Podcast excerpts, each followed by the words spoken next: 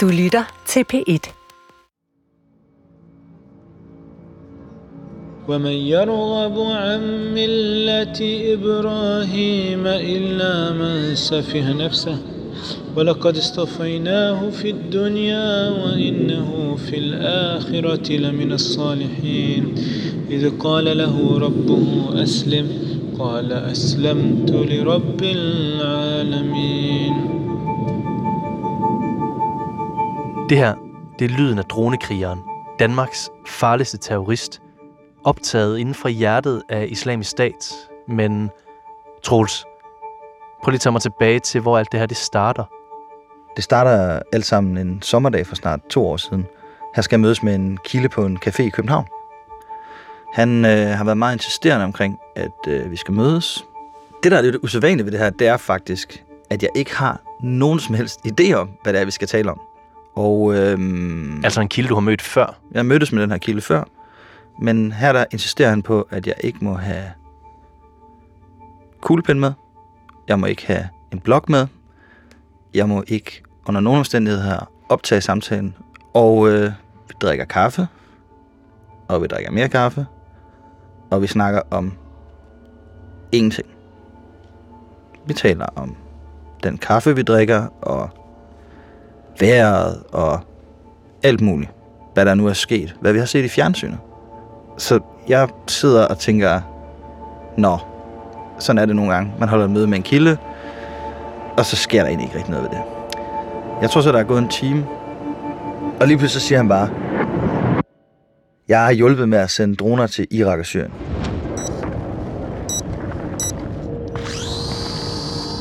Og det er jo ikke noget, man går rundt og blærer sig med, at man har gjort. Nej, Fordi hvis man har sendt droner til Syrien og Irak, så har man formentlig sendt det til islamisk stat. The new weapon in the ISIS arsenal isn't on the battlefield, but above it. ja, altså, han siger til mig, at han anede ikke, at de her droner, de skulle ind til islamisk stat. ISIS is now using commercial drones to drop grenades from above or to surveil coalition troop movements in Iraq. Men det viser sig så, at selvom han måske ikke har noget med det her at gøre, så begynder vi at interessere os for det her område. Altså droner og islamisk stat. A drone, apparently rigged with explosives, killed two Kurdish fighters recently. Så går det jo op for os, at vi ret hurtigt jagter et helt netværk i Danmark, mm. der angiveligt har sendt droner til islamisk stat i overvis. Og det vi hører er jo, at, at det her det kan ende med at blive Danmarks historiens største terrorsag. Det er nok ikke helt skævt. For det, der gør den her sag spektakulær, det er, at navnet Basil Hassan dukker op. Basil Hassan. Ja, Basil Hassan, han er mest kendt for, ifølge politiet, at forsøge at slå islamkritikeren Lars Hedegaard ihjel. Lars Hedegaard er i dag blevet forsøgt skudt ved sit hjem på Frederiksberg. Gerningsmanden beskrives som mand, cirka 30 år, tykt mørkt hår, og han var iført en rød postbudlignende jakke. Han nægter selv, at det var ham, der skød. Men det er ligesom ikke hele historien om Basil Hassan. Fordi det viser sig, at han er altså blevet en rigtig, rigtig stor kanon inden for islamisk stat. Hassan is one of the most dangerous people we've ever designated at the Department of State. Ja, han er en af de farligste personer, der nogensinde er kommet på den amerikanske terrorliste. Problemet er, at vi ved ikke, hvad Basil Hassan han har lavet nede i det her kalifat. Fordi mens islamisk stat har kontrollen over de her større byer, der kan man ikke rejse ind og finde ud af noget som journalist. Det er en, det er en sort boks, han er rejst ind i. Fuldstændig sort. Men nu er kalifatet jo trukket tilbage, og det betyder, at man begynder at kunne kigge ind i den her sorte boks. Og de øjne, vi prøver at få til at kigge ned i boksen, det, det er vores mellemøstkorrespondent, Puk Damsgaard. Hook, Yes, don't touch this metal because something will drop. I'm not touching anything. Vi giver Puk en ret simpel mission. Find ud af alt, hvad du kan om Basil Hassan. Hvor han boet? Hvem han omgås med? Hvad har han lavet? Nu er vi på vej hen. øh, Vi har taget nogle droner med i bilen, som vi lige skal have ind på værelset, så vi lige kan se. Og det, hun finder ud af, er, at Basil Hassan har stået for at opbygge islamisk stats drone her. Deres flyvevåben. Det skulle. Men han sidder altså også i kalifatet og planlægger terrorangreb. Her i Vesten. Episode 1. Terrordroner.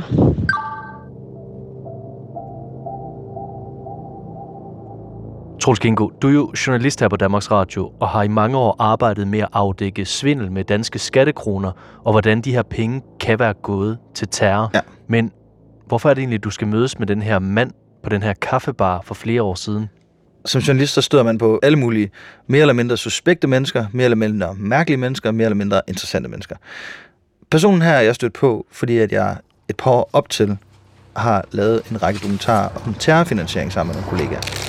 Her afslører vi, hvordan man kunne bruge øh, kyllingekød og blandt selv slik til at lave svindel. Hvor statskassen ifølge skat er blevet snydt for millioner af kroner, og hvor myndighederne først har opdaget det for sent. Det vi opdager, mens vi er ved at afsløre de her svindelkomplekser, det er, der begynder at dukke en række navne op. Og de navne, det er kendte islamister. Som er under stærk mistanke for at bruge pengene til finansiering af terror. Så pludselig har vi et stort kompleks, som har svindlet for over 50 millioner, samtidig med, at de har helt klart haft den her interesse. Spørgsmålet er, hvor pengene er blevet af. Og det er så her, du kommer i kontakt med ham? En af dem, jeg støder på, det er ham, jeg skal mødes med nede på den her café. Og det han så breaker der, som jo så altså virkelig får mig til at spidse ører, det er, han har hjulpet med at sende droner til Irak og Syrien. Altså, hvad vil det sige, at han har sendt droner?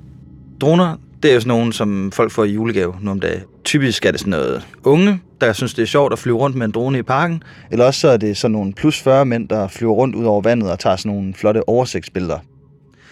Hvis en mand sender droner til Syrien og Irak på det her tidspunkt, så er det altså ikke noget legetøj, som man ellers kender droner for. Så er det noget, der kan bruges i krigsøje med. Og jeg tænker straks, islamisk stat, det er at sende noget, der potentielt lige pludselig er militært udstyr, ned til den farligste terrorgruppe i verden på det tidspunkt. Det interesserer mig jo helt vildt meget. Han fortæller ikke kun, at han har sendt droner, han har også sendt det, der hedder medicinsk udstyr. Det vil sige, det er faktisk proteser, siger han. Og så er det øh, sådan nogle øh, kanyler kanyler, blodposer og sådan nogle ting i den, i den retning. Men jeg var også mest interesseret i dronerne. Hvorfor er det, han gerne vil tale om det her? Jamen for ham har det ikke været noget problem at hjælpe med at sende nogle droner ned til Syrien og Irak, fordi han har troet, at han har hjulpet i borgerkrigen, forklarer han mig. Så det er først senere, at det går op for ham, at nogle af de her droner, de kan faktisk være endt hos islamisk stat. I den her snak om droner, der nævner han pludselig navnet Basil Hassan. Og det gør mig jo virkelig, virkelig interesseret, for Basil Hassan han er nok en af de personer, som dansk politi allerhelst vil have fat i. Man kan sige, at på det her tidspunkt, der har jeg fået det, som man på journalistsprog tit kalder en rigtig god bodega-historie. Ikke? Det er sådan noget, man hører, når man sidder over en bajer, eller man får en kop kaffe et sted, og så er der nogen, der fortæller dig en historie. Men du kan ikke rigtig gøre noget med den, fordi jeg har ikke de ting, der skal til for at komme videre. Han har ikke nogen sms'er, han har gemt. Han har ikke nogen fakturer. Han har ikke optaget nogen opkald. Så øhm, jeg lægger den egentlig lidt i skuffen. Og der ligger den så i et par måneder. Altså lige indtil... Lige indtil det hele det brager løs.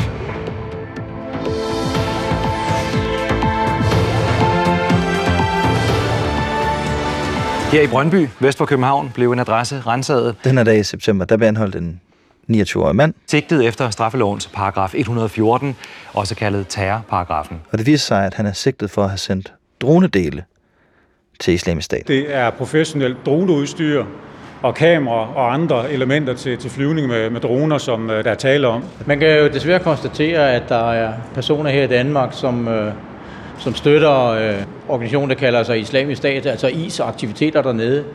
I det her tilfælde der er det lykkedes at afdække personer, som faciliterer IS's kamphandlinger nede med droneudstyr. Og den dag, der ringer du faktisk til mig og siger, ja. du synes, jeg skal tage med i retten, ja. fordi du har en fornemmelse af, at, at det her, det kan faktisk godt blive stort. Ja. Det, der er vigtigt at forstå lige nu, det er jo, at vi faktisk har to historier om droner. Men lige nu, der har de her to sager intet med hinanden at gøre. Så den mand, der er anholdt nu, det er ikke den kilde, jeg har talt med oprindeligt. Det er to forskellige personer. Ham, der er blevet anholdt nu, ved jeg ikke, hvem er. Jeg har aldrig nogensinde hørt hans navn før. Men det har selvfølgelig min interesse, for han er jo sigtet for at have gjort noget, der minder om det, som manden på caféen fortalte mig. Altså at sende droner ned til Syrien og Irak. Så dagen efter, så, øhm, tager du og jeg jo en tur i dommervagten, hvor han skal fremstilles. Vi kommer ind i den her retssal, som er sådan ret fyldt, men så vil heldet, kan man så sige, at vi to, vi tager de sidste to pladser, som er lige bagved den sigtede. Øh, så foran os, der sidder, kan vi sidde og se ryggen af en ret stor fyr, øh, som har sådan orange øh, refleksbukser på, selebukser, og under det der har han så en, øh, en blå trøje. Øh, og han sidder sådan ligesom og kigger ned i, i bordet, og venter på, at, at hans advokat skal til plads, og at anklageren skal begynde at læse op, hvad det egentlig er, han er sigtet for. Jeg sidder faktisk med det lige her. Så hvad, hvad er det, han er sigtet for? Han er, han er sådan set sigtet for at købe drone-dele, altså ting, man kan bruge til at samle en drone med. De dele skulle han så have sendt til en person i Tyrkiet, og den person i Tyrkiet skulle have sendt dem videre til Islamisk Stat. Og hvis man så kigger i øh, sigtelsen, så står der, at anklagemyndigheden mener, at de skulle anvendes i kamphandlinger mod Islamisk Stats modstandere, herunder til at begå drab og grov vold, alt hvilket kan tilføje Irak og Syrien alvorlig skade. Så det er jo øh, jurasprog for blive brugt til terror. Den mand, der sidder foran os i de her orange arbejdsbukser, han, han nægter sig skyldig, og efter det, så lukker de dørene til retten. Det, der sker, det er, når de skal til alle detaljerne, alt det, som kan give mig og dig noget at arbejde med. Fakturer, tidspunkter, navne, telefonopkald, så lukker de dørene. Og så kan vi ikke få noget at vide. Og så kan vi ikke få noget som helst at vide. Officielt i hvert fald.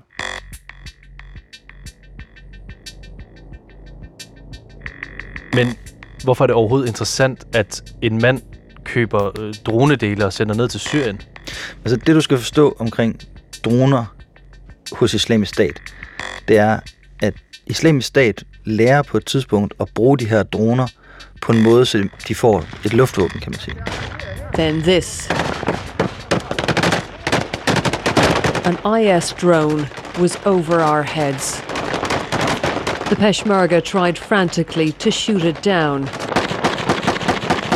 Then there were two. Hvad er det konkret, de bruger de her droner til?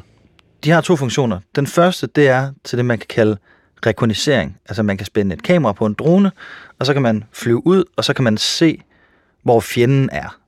Det er jo meget rart, hvis man er ved at blive angrebet, eller man har tænkt sig at sætte et angreb i gang. De har også brugt rigtig meget til propaganda, de her, øh, de her optagelser, og derfor så ved vi faktisk ret meget om, hvordan de gjorde. Det man for eksempel kan se, det er øh, videoer, hvor at, øh, der kører de her nasheeds bagved, som er sådan nogle øh, bønnesange. Og så kan man simpelthen se, hvordan at øh, en, en bil med en selvmordsterrorist bevæger sig langsomt igennem øh, en syrisk by. I'm too much excited, I don't know what to say. But I'm going to meet my master who ordered me to do what I'm supposed to do. Og de nærmer sig helt almindelige mennesker, der står omkring et militært køretøj for eksempel. Without jihad, without jihad, without jihad, there's no Islam. Så kan du rent faktisk se, jamen, hvad for en vej er det smart at køre ind, hvor er der åbent, hvor er der lukket, og så kan de guide den her selvmordsbomber derind, og når han så når frem til sit mål, takket være dronen, så øh, er der en, der er inde i, der trykker på en udløser, og så springer han sig selv og alle de mennesker, som han kører over til i luften.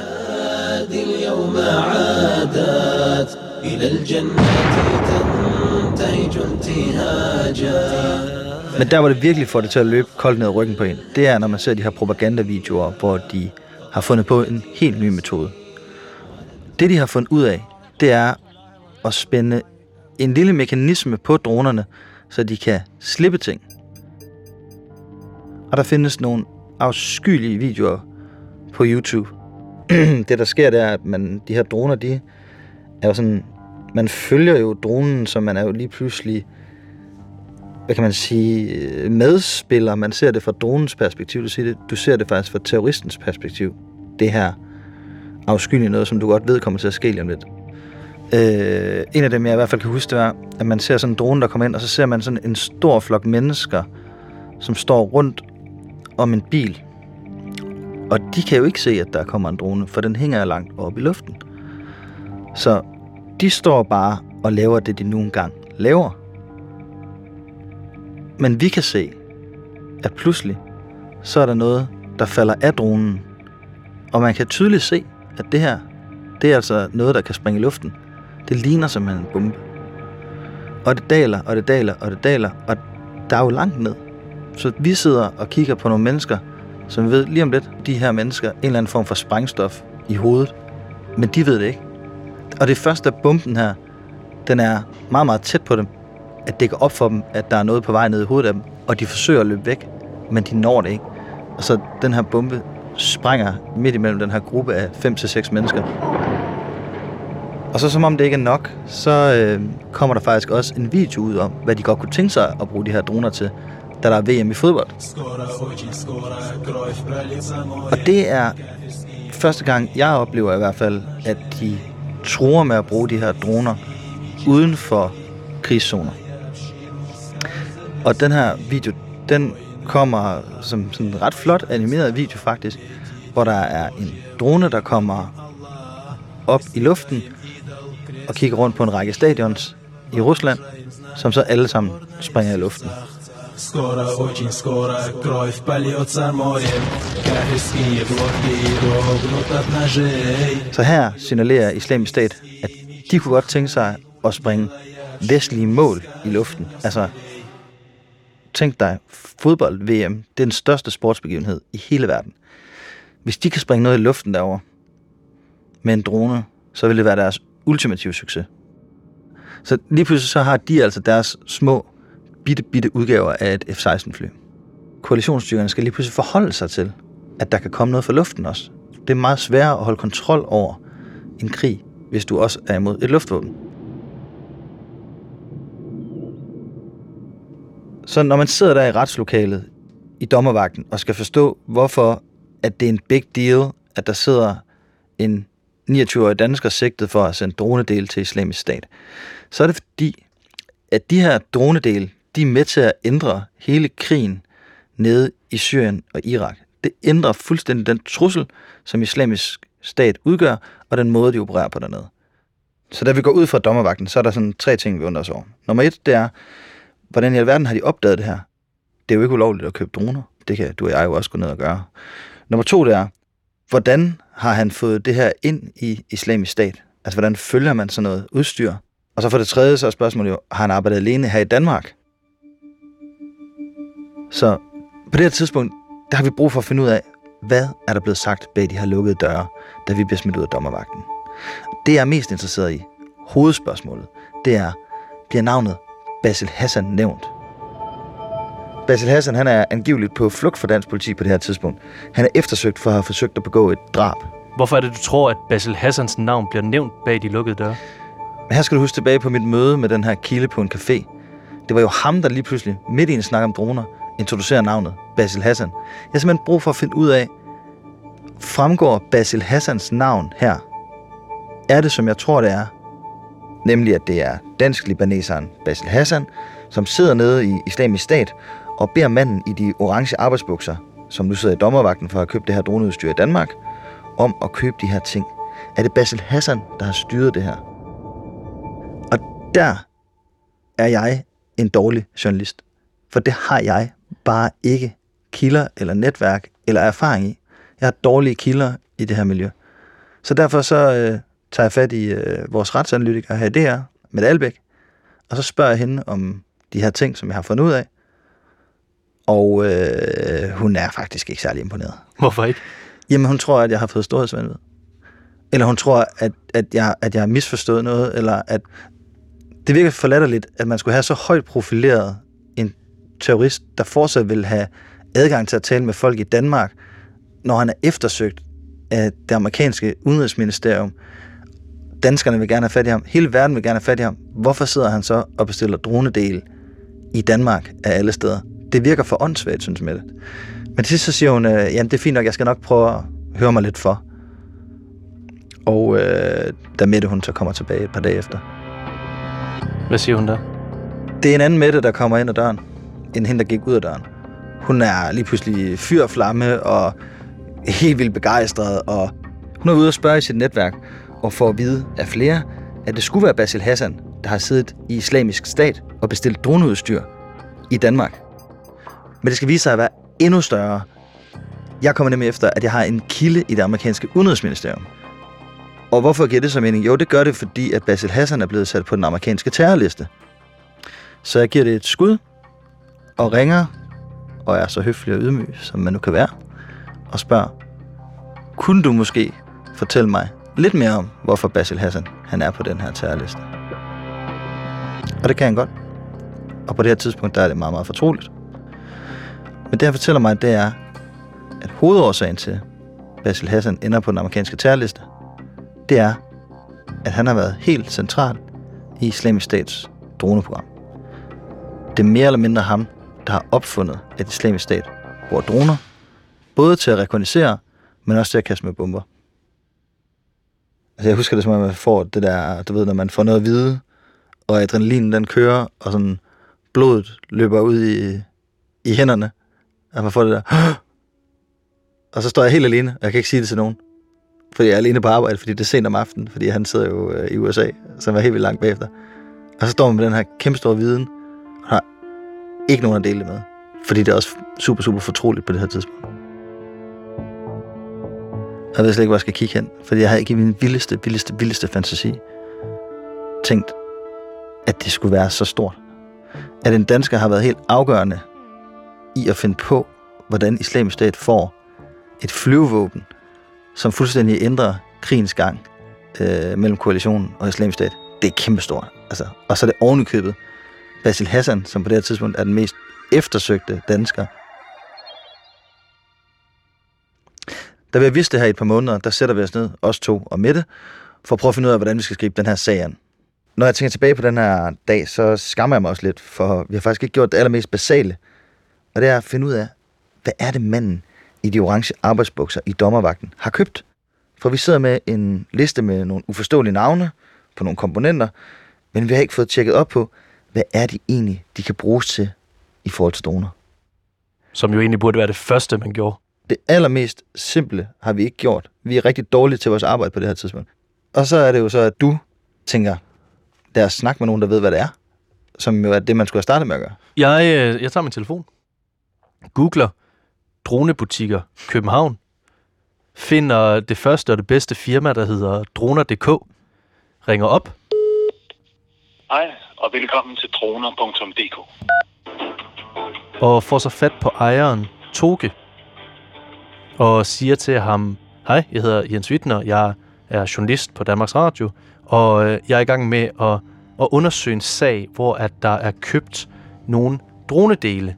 Og så begynder jeg at læse op for ham og siger, der er blandt andet købt 5 A3 Pro dronekomponenter.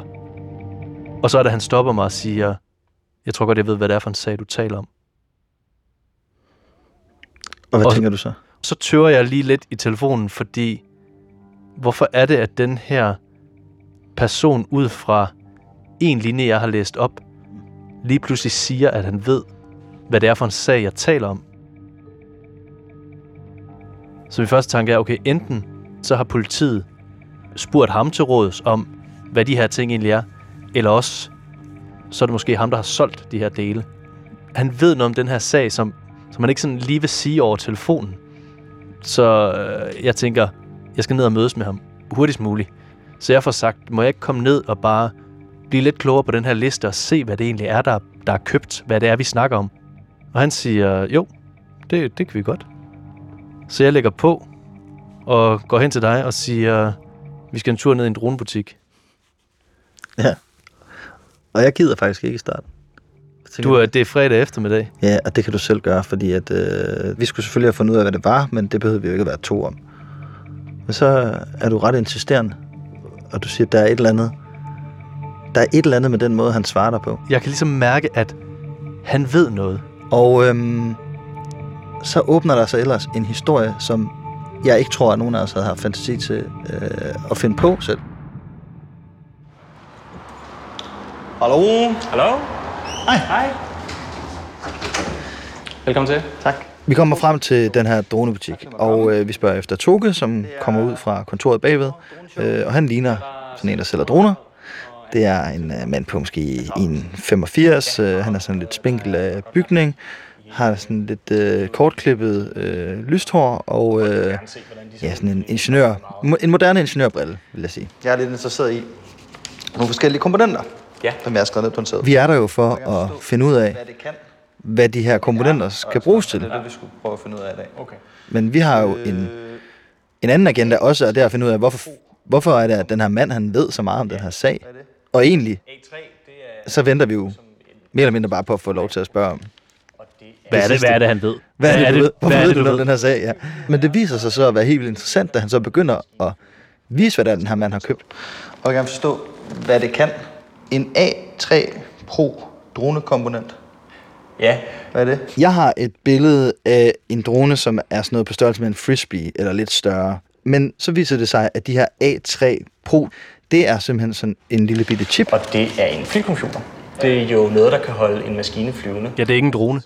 Nej, det er, en, det, er jo en, det er jo en del, men det er dronens hjerne, så at sige.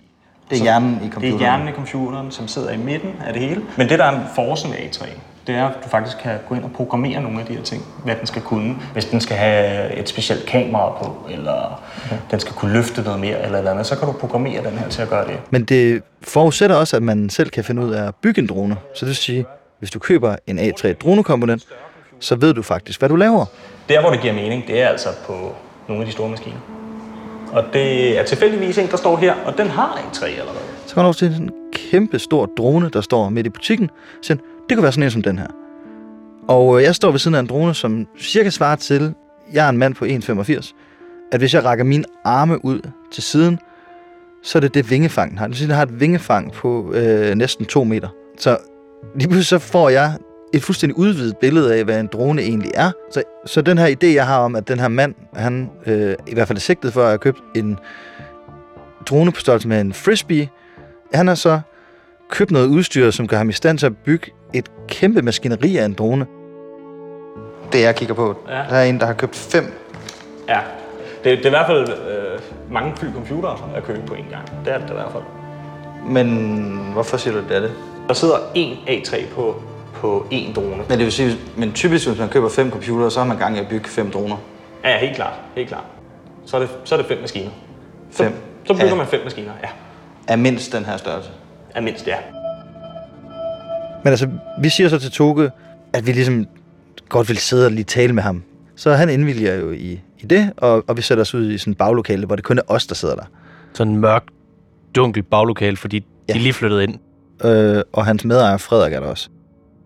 Mange mener jo, at en drone, jamen det er jo måske en, en størrelse på, på en, en hånd, eller lidt større end det. Men de her droner, det er altså noget, der kan bære rigtig mange kilo. Og det kan være helt fra 5, 10, 15 kilo, men også mere end det. Så du vil faktisk kunne sætte 30-40 kilo på den her drone? Hvis du har forstand på, hvordan den skal programmeres, og du har forstand på, hvordan du skal bygge dit udstyr, så kan du sagtens gøre det, ja.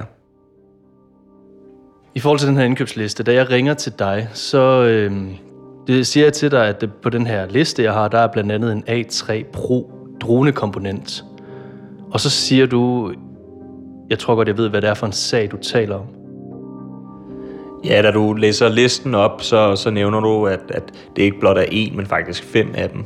Og, og når man kommer og fortæller, at man har en liste, hvor man har et indkøb på fem af de samme computer, så slår det ligesom ud som en meget speciel øh, hændelse og en meget speciel ordre, for det er ikke normalt, man køber så mange på en gang.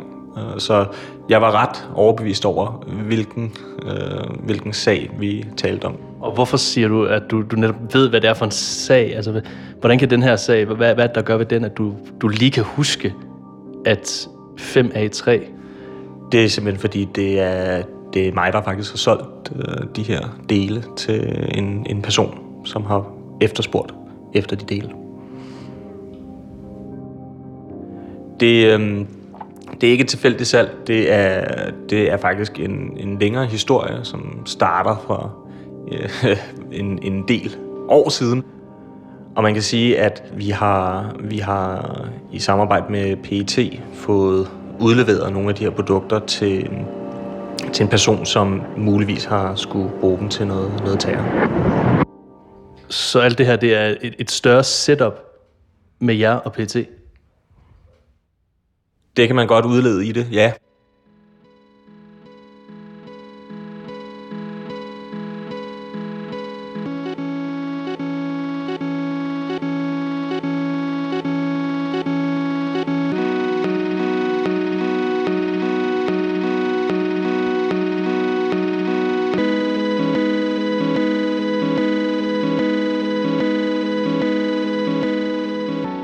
Alle de sigtede i sagen, de nægter sig skyldige. Vi har forelagt alle anklager for de sigtedes forsvarsadvokater, der ikke ønsker at kommentere de her konkrete anklagepunkter. De henviser til, at de ikke kan kommentere på dem, da sagen kører for lukkede døre, og der er nedlagt navneforbud i sagen. Forsvarerne understreger, at de sigtede endnu ikke er tiltalt i sagen, og at sagen den skal afgøres i retten.